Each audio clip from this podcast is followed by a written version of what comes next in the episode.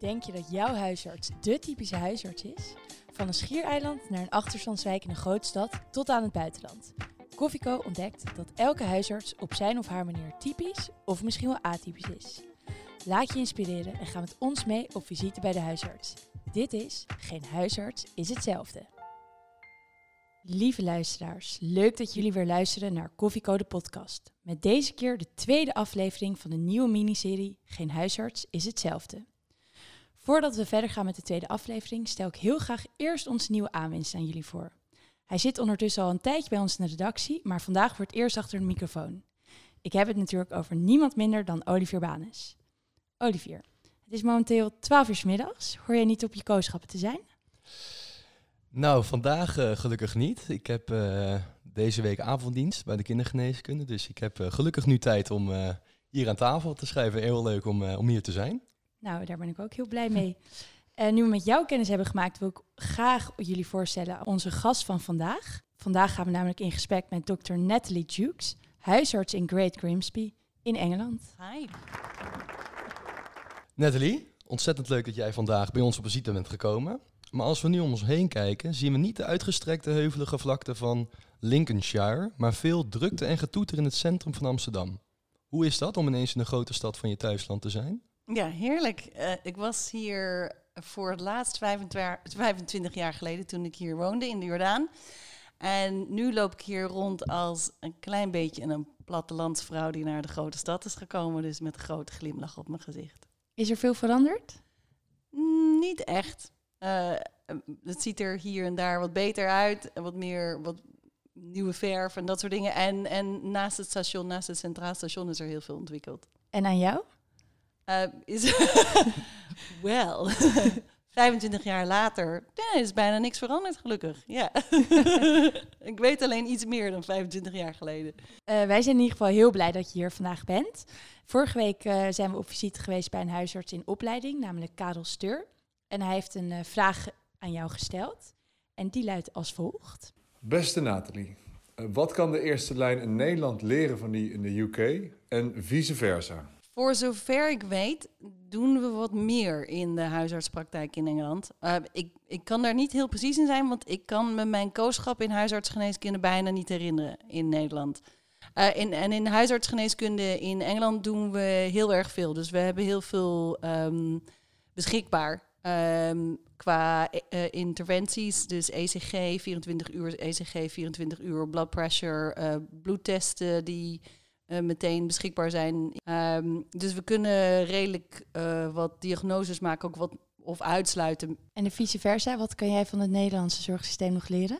Nou, ik, wat, ik, wat ik wel uh, me had, heb gerealiseerd, um, wat ik niet, waar ik me niet bewust van was toen ik in Nederland was, is dat uh, Nederlanders redelijk direct zijn. En, en dat is eigenlijk in een land zoals Engeland best prettig. Want Engelse mensen waar ik dan werk, want ik woon, werk dus niet in de grote stad, ik werk in Great Grimsby en dat is dezelfde grootte ongeveer als Arnhem. Daar, daar zijn mensen heel uh, uh, beleefd en, en wat bescheiden en wat minder direct. En vind het eigenlijk best prettig als je gewoon als arts duidelijk bent en ook nee kan zeggen. En, uh, en dat, is voor, dat voelde voor mij altijd als iets wat redelijk meer Nederlands is. Om, om dat gewoon normaal te vinden vanaf student zijn. Ik zie ook als opleider in, in Engeland uh, veel mensen van, die in het buitenland zijn op, opgeleid, dus Afrika, India, Pakistan.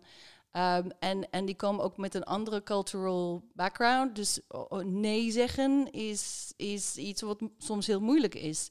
Um, dus ja, dat is zeker een voordeel van het Nederlands zijn. Het heeft ook af en toe problemen gegeven. Dus in meetings kan ik ook af en toe veel te uitgesproken zijn. Terwijl dat in Nederland gewoon beleefd is om direct te zijn. Daar denk je niet eens over na.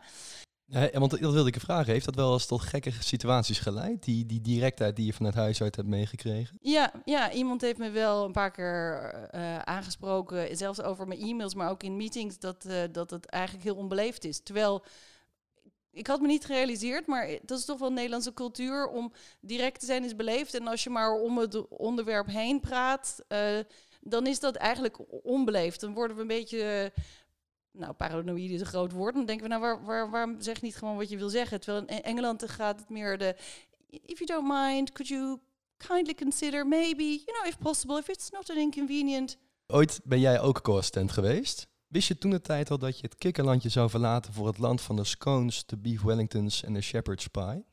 Ja, ik nam het wel aan, want ik had toen ik 18 was mijn uh, toekomstige man ontmoet en die is Engels. Um, en ik was toen nog niet begonnen aan mijn studie, dus de plan was wel, denk ik, om altijd daarheen te gaan. Um, en ja, ik, maar ik wist niet dat ik huisarts zou worden. Ik, ik wist zeker dat ik niet huisarts zou worden, um, totdat ik een kooschap deed in Engeland, een keuzekooschap. En, en daar een huisarts tegenkwam, uh, Dr. Collett in Great Grimsby. En dat was een hele, oh, is nog steeds een hele inspirerende arts. Door hem, dat weet ik ook zeker, heb ik huisartsengeneeskunde gekozen. Want zonder hem had ik dat mogelijk niet gedaan. Ik vond oogheelkunde leuk en ik vond darmchirurgie leuk. En, um, maar doordat hij het zo aantrekkelijk maakte. En hij was eigenlijk een beetje Nederlands. Want hij was heel direct met zijn patiënten. En in het Engels zou je dat een Marmite-dokter noemen. Dus you, you either love it or you don't. Um, maar hij was heel duidelijk. Je voelde een gelijke. Ja, ja, ja. En wat zegt jouw omgeving eigenlijk over jouw keuze om huisarts te worden? Zagen zij het altijd al aankomen of was het uit het niets? Um, ja, ik denk dat mijn omgeving, uh, ouders, die vinden alles best. Uh, als ik maar gelukkig ben. Uh, die vond het al, het was al een grote schok dat ik eigenlijk toch naar Engeland ging, maar eh, dat hadden ze ook gewoon kunnen zien aankomen. Uh, en uh, waar ik werkte, de, de praktijk die ik inliep, is een praktijk die goed aangeschreven staat in die locatie. Um, en ja, dus, dus wat dat betreft, eigenlijk liep ik een heel erg prettige omgeving in. En je zei net al, je werd zwanger tijdens dat je nog kooschap liep. Hoe was dat? Ja, beetje een aanrader, denk ik.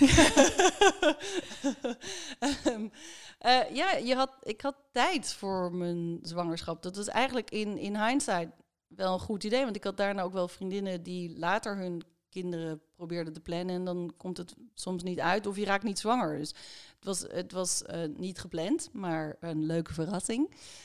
Um, en als, als dat je over.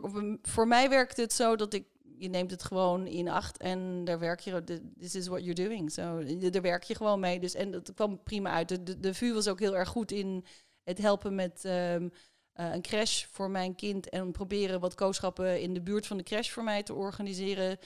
Um, en, en liet me dus ook wat kooschappen in het buitenland doen. Dus ja, dat was super. Want je bent toen uiteindelijk naar Engeland gegaan en daar ben je ook in opleiding gegaan tot huisarts. Ja. Kan je kort beschrijven hoe de opleiding in huisartsgeneeskunde in Engeland eruit ziet? Ja, tuurlijk. Um, toen ik het deed, deed je vier banen in, de, in het ziekenhuis van zes maanden en twee banen van zes maanden in huisartsgeneeskunde. Nu doe je, um, geloof ik, uh, een jaar aan het einde in ieder geval. Dus er zit lang uit zes maanden aan het begin doe je ze huisartsgeneeskunde. Dan een paar banen in het ziekenhuis uh, in verschillende specialiteiten. Die je zelf kan kiezen? Of uh, staat dat vast? Dat staat redelijk vast, maar volgens mij kan je wel wat aangeven. En, um, en dan een jaar in huisartsgeneeskunde. Je, je laatste jaar is in de huisartsgeneeskunde. Ja, dus drie jaar in totaal. En ik deed het part-time. Dus ik was in 2000 afgestudeerd. 2001 was ik junior house officer. En 2002 ben ik begonnen met mijn huisartsopleiding. Maar heb toen nog even een baby er tussendoor gedaan. toen, en toen, uh, dus, uh, en dus toen heb ik mijn, mijn opleiding grotendeel part-time gedaan. Dus daarom was ik in 2007 klaar. En uiteindelijk heb je dus je opleiding afgerond tot huisarts. Hoe ben je uiteindelijk terechtgekomen in de praktijk waar je nu hedendaags nog steeds werkt? Ze nodigden me uit toen ik daar in de opleiding was. Dus toen hebben ze twee jaar, weet ik veel, twee, ongeveer twee jaar voor mij gewacht om, om klaar te zijn. Dus dat was hartstikke leuk. Ja, um, denk omdat het zo goed klikte. En er was daar al een, een andere een Nederlandse huisarts, uh, getrouwd met dokter Shahan, dokter Zoon. En zij had in Rotterdam gestudeerd. Dus ja, het was leuk om die, om die Nederlandse klik te hebben. Hoe ziet een typische dag voor jou eruit? Oké, okay. nou, ik ben uh, partner in mijn praktijk, dus ik ben zelfstandig ondernemer. Dus ik doe wat meer dingen die je niet van een gesalarieerde uh, huisarts zou verwachten. Dus ik word wakker, net voor zeven, zet een kopje thee, doe dan een uur resultaten in bed met een kop thee en ga dan naar mijn werk. um, en dan van, dus daar ben ik om een uur of kwart over acht. Dan begint de praktijk. En onze praktijk voor COVID hadden we twee keer per dag een open spreekuur, dus je hoeft geen afspraken te maken. Maar dat is redelijk uniek. De meeste praktijken werken niet zo. En na COVID, omdat je alles moet triage, nu beginnen we gewoon met één grote triage-lijst. En daar, daar werken we met z'n allen vanaf. Uh, en uh, patiënten kunnen voor een arts, bepaalde arts vragen. Uh, of, of er is gewoon algemeen, iemand pakt gewoon de telefoon op. En dan hebben we heel veel trainees. Dus we hebben meestal één of twee huisartsen een op opleiding. We hebben meestal een vijfdejaars student. We hebben een Foundation Year 2 dokter. Dus dat is een zesdejaars student in Engeland. En één keer per week, één dag per week, sorry. Een Foundation Year 1 dokter. Ook nog, uh, dus we hebben redelijk veel huis. En dan hebben we ook nog Nederlandse studenten van Rotterdam of Amsterdam. Hoe komt het dat jullie de tijd hebben voor al deze dingen? Ja, dat is uh, omdat we dit al heel lang doen. Um, veel artsen klinkt het alsof het heel chaotisch is. Het is ook een beetje chaotisch, maar het is een soort van organized chaos. Um, en omdat we redelijk veel trainees hebben, werkt het ook wel goed. Want die doen natuurlijk voor een groot aantal patiënten de anamnese en het onderzoek. En die geven je dan een, een, een S-bar, een, een, een presentatie van wat er mis is. En voor mij is het redelijk druk, of voor de, voor de senior dokters is het redelijk druk. Uh, want ik zie mijn eigen patiënten en daartussendoor zie ik mijn uh, trainees, patiënten ook. En de verpleegkundigen kunnen ook binnenlopen met vragen en admin heeft ook vragen. Maar omdat we allemaal van één lijst werken, kunnen we ook een beetje een oog houden op hoe het gaat. En als iemand ineens heel erg achter zit of er is een ernstige diagnose of je hebt ja, redelijk veel dingen om over te praten, dan, dan houdt iemand er wel een oogje op. Want hoe laat ga je dan weer naar huis? Nou, um, officieel om, zijn we om uh, half zeven klaar s'avonds. Um, maar ja, daar zijn we nu redelijk goed in. Zeker om zeven uur ben ik de deur uit. En we zijn ook wel beter in geworden om te herkennen dat mensen jonge families hebben. En ook gewoon dat dat belangrijk is. En, en uh, dat die ook op een gegeven moment naar huis moeten. Maar vroeger, dus voor COVID, een paar jaar geleden, ja, dan kon het af en toe wel heel laat worden. Want als er drie mensen om. 6 uur 25 de deur binnenliepen, dan zien we ze. Maar dat is heel ongebruikelijk hoor, voor, zelfs ook voor, voor uh, de Engelse huisartsenarij. Ja. Klinkt alsof jullie ontzettend veelzijdig zijn en heel veel dingen kunnen. Mm -hmm. En ook toch best wel een gestroomlijnd team zijn met z'n allen. Heb je nooit het gevoel dat je overspoeld wordt door alle patiënten die binnenkomen? Nee, nee, en dat heb ik, um, dat heb ik geleerd natuurlijk doordat we het al lang doen. Just keep plodding on. En, en ook van rennen heb ik dat tot op zekere hoogte geleerd. Ik ben absoluut niet een natural runner. Maar um, met rennen is het ook zoiets. Je moet gewoon, blijf nou maar gewoon één voet voor de andere voet. En op een gegeven moment ben je halverwege. En op een gegeven moment ben je onderweg terug. En dat komt allemaal wel goed. En dat, dat werkt ook zo in als het een hele drukke dag is. Je leert ook wel op tijd te werken. Dus je moet niet dat we echt zeggen, weet je, voor, je hebt maar tien minuten. Um, maar sommige problemen hebben maar vijf minuten nodig. En, en helemaal omdat je iemand kent. En dat vind ik ook zo heerlijk van de huisartsgeneeskunde. Ik ken mijn patiënten. Dus er zijn ook bepaalde dingen die ze niet meer hoefden uit te leggen. Die ken ik wel. En we mogen denk ik onderhand wel zeggen dat je een ervaren huisarts bent met 16 jaar onderhand ervaring. Wat is in jouw ogen nou een goede huisarts? Um, iemand die goed luistert. Ik denk dat luisteren heel erg belangrijk is en, en under-recognized. In, als jij je auto naar een uh, garage neemt uh, en je beschrijft wat het geluid is wat je in de motor hoort wat niet klopt en de, de mechanicien in de garage zegt, nou ik denk dat dit is en kijk niet in de auto zijn uh, engine, dan denk je, nou ik ga wel naar een andere garage. Je wil dat iemand even kijkt naar de machine. En dat is met de patiënt ook zo. Als jij en hebt geluisterd en naar de machine hebt gekeken, dan kan je een veel beter oordeel geven. Goed voor de patiënt, maar ook even heel egoïstisch, goed voor de dokter. Als jij veilig bent, dan is je patiënt ook veilig. En dan kan je ook veiliger beslissingen nemen over wat je wel en niet gaat doen. En uh, niet iets doen is bijna belangrijker dan wel iets doen denk ik. En dat niet iets doen, dat is ook iets wat, waar jullie als praktijk volgens mij heel erg jezelf hard in maken. Mm -hmm. Kan je daar iets meer over vertellen? Ja, um, we zijn heel erg bezig om de patiënt te empoweren om voor zichzelf te zorgen. Dus het is een interessante specialiteit. We willen bijna onszelf onnodig maken. Dus ik, we zijn altijd eerst bezig met om te kijken wat de patiënt zelf kan doen qua e-, eten, qua exercise, qua slapen, qua verandering in je leven. En daardoor moet je toch wel iets van je patiënt weten. Um, voordat we gaan dingen voorschrijven. Uh, want zodra ik een, een, een voorschrift doe, dan heb je mij nodig. En ik heb liever dat jij iets leert als patiënt, voor, zodat jij zelf weet wat er mis is met je en, en weet wat je eerste paar stappen kan zijn die jij zelf kan nemen voordat je een arts nodig hebt. Nemen patiënten dat dan van jullie aan? Nu wel, want onze, onze groep is redelijk goed getraind, mag ik dat zo zeggen? Waarschijnlijk niet. Ehm, in, um, in het vertrouwen in ons.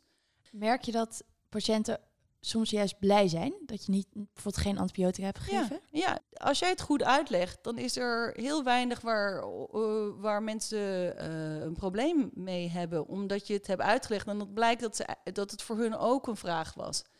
En heb je wel eens een moment getwijfeld aan je baan? Oh ja, ja. De eerste keer dat dat gebeurde was, ik weet niet of dat nog steeds zo is, maar aan het einde van je eerste jaar aan de VU ben je healthcare assistant um, in een ziekenhuis voor zes weken. En toen dacht ik, misschien moet ik wel verpleegkundig worden, want ik vind mensen heel erg leuk. En daarom doe ik dit. En uh, derde jaar had ik bedacht, realiseer ik me ineens dat ik me de hele dag ga omringen met mensen die ziek zijn. Misschien is dat helemaal niet zo positief, uh, maar ging toch maar door. En, en dan word je huisarts en af en toe denk je, waarom ben ik hier? En imposter syndroom en iedereen krijgt het een beetje. En het is ook heel normaal om dat af en toe te hebben. Want iedereen, het lijkt alsof iedereen meer weet dan jij, maar dat valt hartstikke mee. En je moet gewoon door, door blijven gaan. Um, ja. En tijdens de dag heb je het dan wel eens dat je denkt, vind ik dit nog wel leuk? Nee, bijna niet. Ik vind het zo'n leuke baan. Alle leeftijden, alle problemen, um, alle combinaties. Uh, je kent de families. En je mag ook heel eerlijk zijn. Ik vind het eigenlijk, het is eigenlijk heel erg prettig, want het dwingt je om eerlijk te zijn. Dit, dit, dit vak, sorry, is makkelijker als je eerlijk bent tegen jezelf ook. Dus als je iets niet weet, dan weet je het niet. Het is goed om dat te registreren en dan moet je even in je hoofd analyseren: oké, wat moet ik meer weten zodat ik me meer zeker over voel? En als je je aangevallen voelt, misschien dat een beetje groot woord door een patiënt, als er iets heel erg misgaat in de communicatie, dan benoem je dat en dan gebruik je dat. Dus je zit daar de hele dag heel eerlijk te zijn. Het is wel vermoeiend af en toe, maar het is heel erg prettig. Wat is je grootste ergernis aan de huisartsgeneeskunde? Oh, de politiek. Politiek, politieke dingen die de huisartsgeneeskunde aanvallen in Engeland. Daar word ik echt heel boos van. Um, ik vind de NHS, de National Health Service, echt geweldig. In Engeland, weet je, niemand hoeft ooit naar je portemonnee te kijken. Daar gaat het helemaal niet om. Het maakt niet uit wat jouw achtergrond is. Um, je, wordt, je krijgt de, hopelijk, of ik kan je op dezelfde manier behandelen. Het gaat over welke ziekte jij mee brengt en welke problemen jij mee brengt. En de rest maakt niet uit. Uh, en uh, in Engeland zijn ze vreselijk bezig af en toe om uh, Amerika na te doen, terwijl Amerika helemaal heel weinig heeft om trots over te zijn in, in terms of voor hun eigen patiënten zorgen. Natuurlijk komt er heel veel kennis vandaan, maar absoluut niet patiëntenzorg en iedereen is hetzelfde. Um, en dan in Engeland nu zijn ze ook, er, er, zijn, er te weinig geld en er zijn te weinig huisartsen en te weinig artsen überhaupt in ziekenhuizen. Um, en er wordt zich heel weinig gerealiseerd hoeveel patiënten huisartsen uit het ziekenhuis houden. Ik las online dat het ja, graafschap Lincolnshire 79 huisartspraktijken telt voor in totaal ruim 750.000 inwoners. Dat klinkt als best weinig huisartspraktijken voor veel inwoners. Ja, ja, Wat vind jij hiervan? Ja, in, in, voor zover ik heb zelf niet naar de nummers gekeken, maar ik weet dat uh, Engeland qua populatie um, weinig artsen überhaupt heeft in ziekenhuizen of lagere nummers artsen heeft in ziekenhuizen en als huisartsen. Ja, it is what it is. We gaan uh, door naar een patiëntenvraag en deze keer komt de vraag van een patiënt van jouzelf. Wat is nou een typische patiënt die bij jou op de huisartsenpraktijk komt, waar jouw nekharen direct overeind van gaan staan? Hmm. De, mijn nekharen gaan niet zo heel erg snel omhoog staan, moet ik eerlijk zeggen. En dus niet per se als iemand weer met een bepaalde klacht binnenkomt, dat jij al meteen denkt van god, gaan we weer. Nee, ja, je, je hebt wel wat heartsink patients. Um, wat moeilijkere patiënten kan zijn iemand bijvoorbeeld die um, problemen zoals fibromyalgie zijn moeilijk. Um, of die, die, die ziet men als moeilijke patiënten, maar ik heb er nou zoveel gezien, mensen met psychosomatische problemen. Ik denk dat het belangrijk is als arts om daarover nagedacht te hebben voor jezelf en daar dan een aanpak, een bepaalde aanpak voor jezelf voor te hebben. Want ik ben me er heel erg van bewust dat het misschien dat ik niet, dat het niet mijn favoriete patiënt is. Maar ik weet ook dat het voor die patiënt helemaal vervelend is om in hun vel te zitten en niet erkend te worden, bijvoorbeeld. Ik ben wel benieuwd. Heb je een voorbeeld van een patiëntenverhaal die je is bijgebleven? Ja, uh, ja, dat, zijn toch vaak wel dingen die, die niet zo goed gingen, helaas. Uh, maar daar leer je ook enorm veel van. En, en, en, en ook een belangrijke les. Als je iets fout doet of er gaat iets fout, dan is het heel erg belangrijk om, je, om daar je verontschuldigingen voor aan te brengen. Dat is niet dat je aangeeft dat het allemaal maar jouw schuld is, maar het is naar dat jouw acties heeft geleid tot iemands verdriet. Zou je dit wel verder willen toelichten? Oh ja, um, ik heb een patiënt gehad die had een probleem, uh, wat paresthesie in haar hand. Maar alle onderzoeken waren, waren prima. Dus uh, dat was een paar maanden. Uh, ik dacht dat we misschien als een, als een soort van carpal tunnel behandeld hadden. En we gaven het wat tijd, hadden we besloten. En zij um, kwam zes maanden later, iets meer dan zes maanden later terug. En toen had ze... Um, de, de, de uh, spieren in haar hand waren minder sterk, duidelijk minder sterk. Um, en dat was heel naar. Uh, dus ik heb haar meteen verwezen. Uh, en toen, ja, toen bleek dat er, dat er inderdaad een verdrukking was op het niveau van de elleboog. En ideaal, ideaal gezien hadden we het veel, had ik het veel eerder gezien en eerder verwezen. En had ze, was, was ze geopereerd geweest. En ze kwam naar mij terug en ze was heel erg boos. En uh, ze had het er over dat ze misschien wel naar een advocaat ging en dat soort dingen. Um, maar ze kwam het mij uitleggen en ze kwam mij vragen waarom dit gebeurd was. En ook al voelde ik me heel erg naar, ik was er ook heel dankbaar voor dat ze genoeg respect voor mij had om naar mij toe te komen, om het daarover te hebben en om bespreekbaar te maken. En we konden ook samen bespreken. We hadden een paar gesprekken gehad daarna, ook een keer met haar echtgenoot erbij. Dat zij ook wel tijd heeft gehad om mij nog een keer te zien. Hoe ga je daar dan mee om?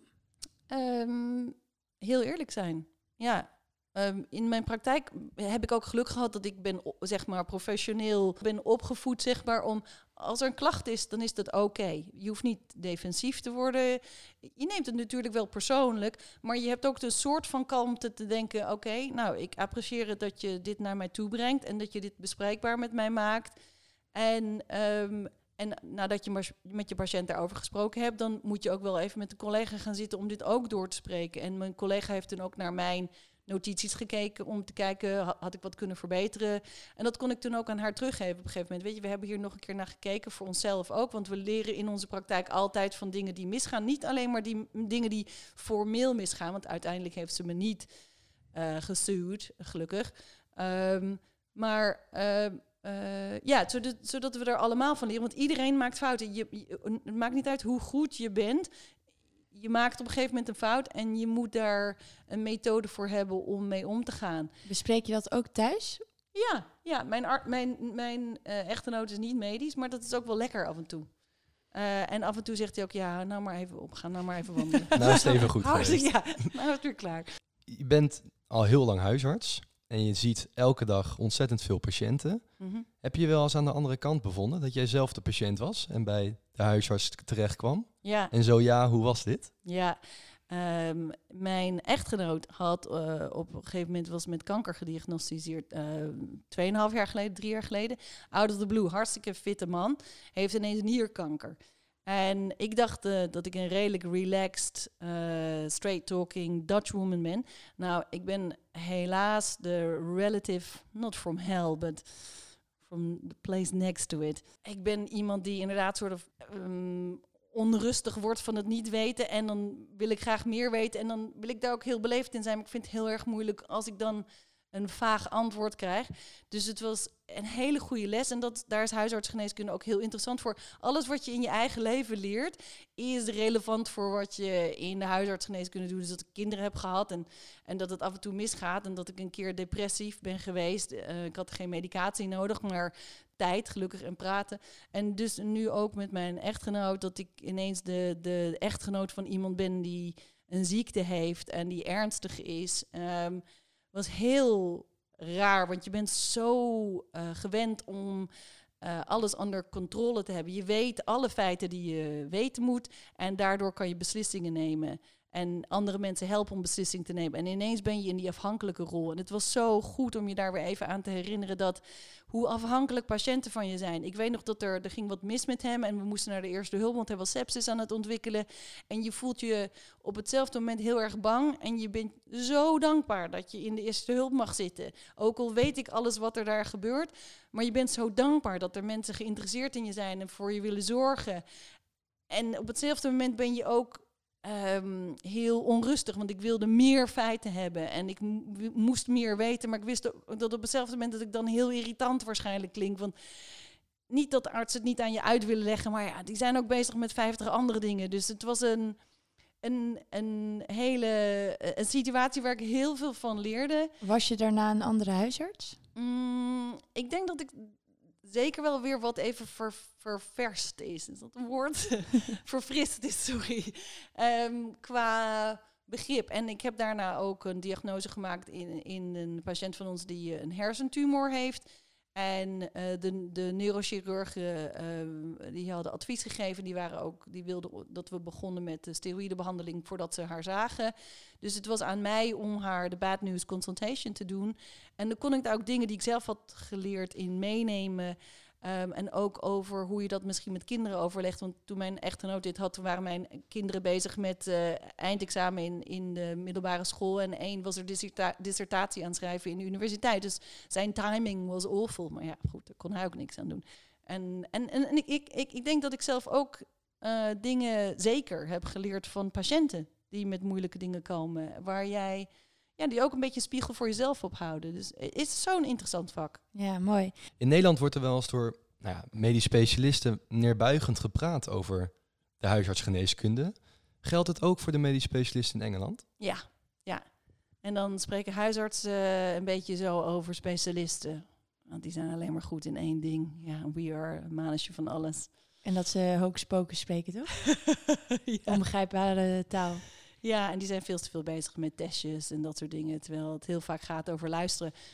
Moet ik ook inderdaad wel zeggen, en dan kan ik even negatief doen. Maar eh, toen wij laatst weer in het ziekenhuis waren met mijn, uh, mijn schoonvader met een gebroken heup, hoe weinig er wordt uitgelegd in het ziekenhuis, het is zo frustrerend.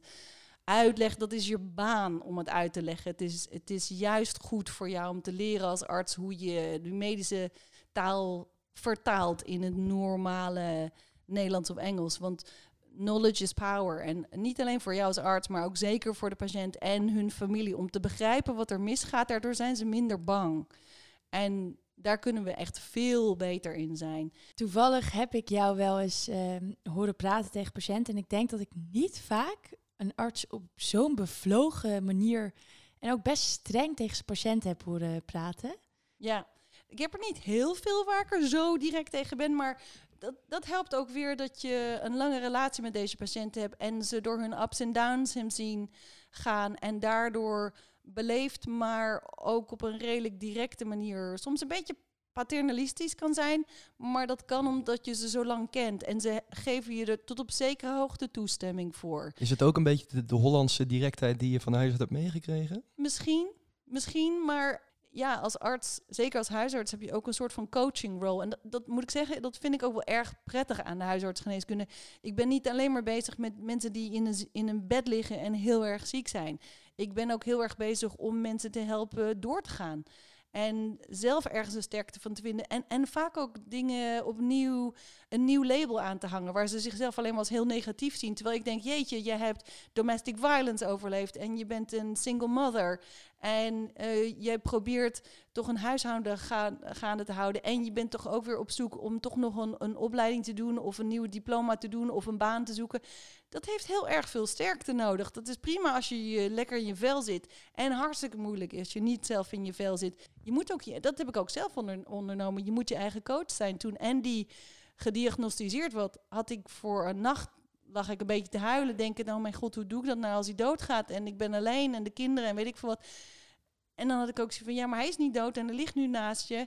En het is jouw keuze nou, hoe jij hiermee omgaat. En ik vond dat zo opzienbarend om te denken, oh, dat is een keuze. Of ik ga nu hier een deel van mij wil op de grond gaan liggen gillen. En een deel van mij denkt, ja, het is een beetje een waste of energy. Ik moet gewoon doorgaan, want eh, hij is nog niet dood en ehm, hij is hier nu. Dus we moeten gewoon de beste, het beste wat we ervan kunnen maken. Dus er zit heel veel keuze in. En ik denk dat heel veel mensen eh, tot op een bepaald punt komen in hun leven waar ze dat vergeten zijn, waar ze dat even niet meer zien. Nou, dan is dat hopelijk behulpzaam om dat even aan te geven. Maar ik ben niet de hele tijd paternalistisch hoor. Of ma maternalistisch, moet ik zeggen. Mooi. Je omschreef het platteland van Lincolnshire wel eens als een verborgen juweeltje. Wat Mhm. maakt het leven daar zo mooi? Ja, ehm, nou, ik woon net buiten de stad. Dus ik woon in een hele prettige omgeving. Ehm, in een leuk, eh, zeg maar, groot dorp. Dus dat is eh, heel gezellig. Eh, ik ben wel in de stad opgegroeid in Nederland. Maar ik, misschien altijd wel een beetje dorps geweest, wie weet. Dus ik vind dat wel heel leuk. Eh, je hebt een hele goede combinatie van dingen. Dus ik kan overal wandelen en fietsen. En, ehm, en het is in, in een gezellige omgeving. En dan werk ik in een stad waar die niet te groot is en mensen heel vriendelijk zijn nog. Ehm, eh, redelijk assertief, maar niet overassertief. Eh, in een team ook waar, ehm, waar je gewoon jezelf mag zijn en je eigen mening mag hebben. Ja, en in, in een heel mooi deel van Engeland, wat eigenlijk een beetje underexplored is. Dus we zeggen altijd dat Lincolnshire een well-kept secret is. Dat houden we ook zo. Dus ik zeg eigenlijk tegen iedereen, Lincolnshire is vreselijk. Ik zei, ik kom niet. Eh, en, en, Dat is bij deze mislukt. ja. Ehm, maar we vinden het ook heel erg leuk dat Nederlanders, eh, Nederlandse studenten naar ons zijn gekomen. Want mensen zien, denken Engeland en denken ze Londen. Nou, er is echt zoveel meer in Engeland dan Londen. Dus glooiend met mooie beekjes en prachtige weilanden en leuke dorpjes en leuke stadjes. Lincoln, hartstikke leuk. Ehm, redelijk mooi weer. Dus wij hebben meestal Nederlandse weer van de kust eh één dag eerder of één dag later. Dus als ik al zei, mensen zijn heel vriendelijk. Het is niet altijd koud, regen Nee, en nee, nee, dat, dat is de... Ik ben erheen gegaan ja. met echt twee regenpakken. Ik was helemaal voorbereid. En het heeft geen één dag geregend. There Bij go. deze. There you go. Nee, dat is meer de, de eh, westkust. En, en nu weet ik dat Duveke een aantal weken haar huisartskooschap bij jou gelopen heeft. Mogen andere studenten na dit interview ook bij jou aanklopen om daar in Great Grimsby hun huisartsgeneeskunde te volgen? Ja, ja. eh, we hebben een, eh, we zijn eh, aanschrijfbaar via Rotterdam en de VU. Ehm, en ja, mensen zijn van harte welkom. Helemaal als je misschien ook wel in Engeland wil blijven. Ik heb altijd gedacht, misschien moeten we er een soort van dating site aan vastbouwen. Zodat je verliefd wordt op iemand in de regio. En, En, ook zwanger wordt. En dan nooit meer terugkomt. maar het is letterlijk 45 minuten om naar Nederland te vliegen. Het is een soort van commute. Dus je bent nooit ver van je familie, maar je bent in Engeland. En Engeland is prachtig. Echt prachtig. We hebben, Andy en ik hebben net zes maanden vrijgenomen. Omdat we gewoon even ons leven moesten reorganiseren en herdenken. eh, hoe we dit allemaal gaan doen. En we hebben in Schotland gelopen en gefietst. En we hebben eh, ehm, coast to coast gefietst. En in Wales gewandeld en in het zuiden gewandeld.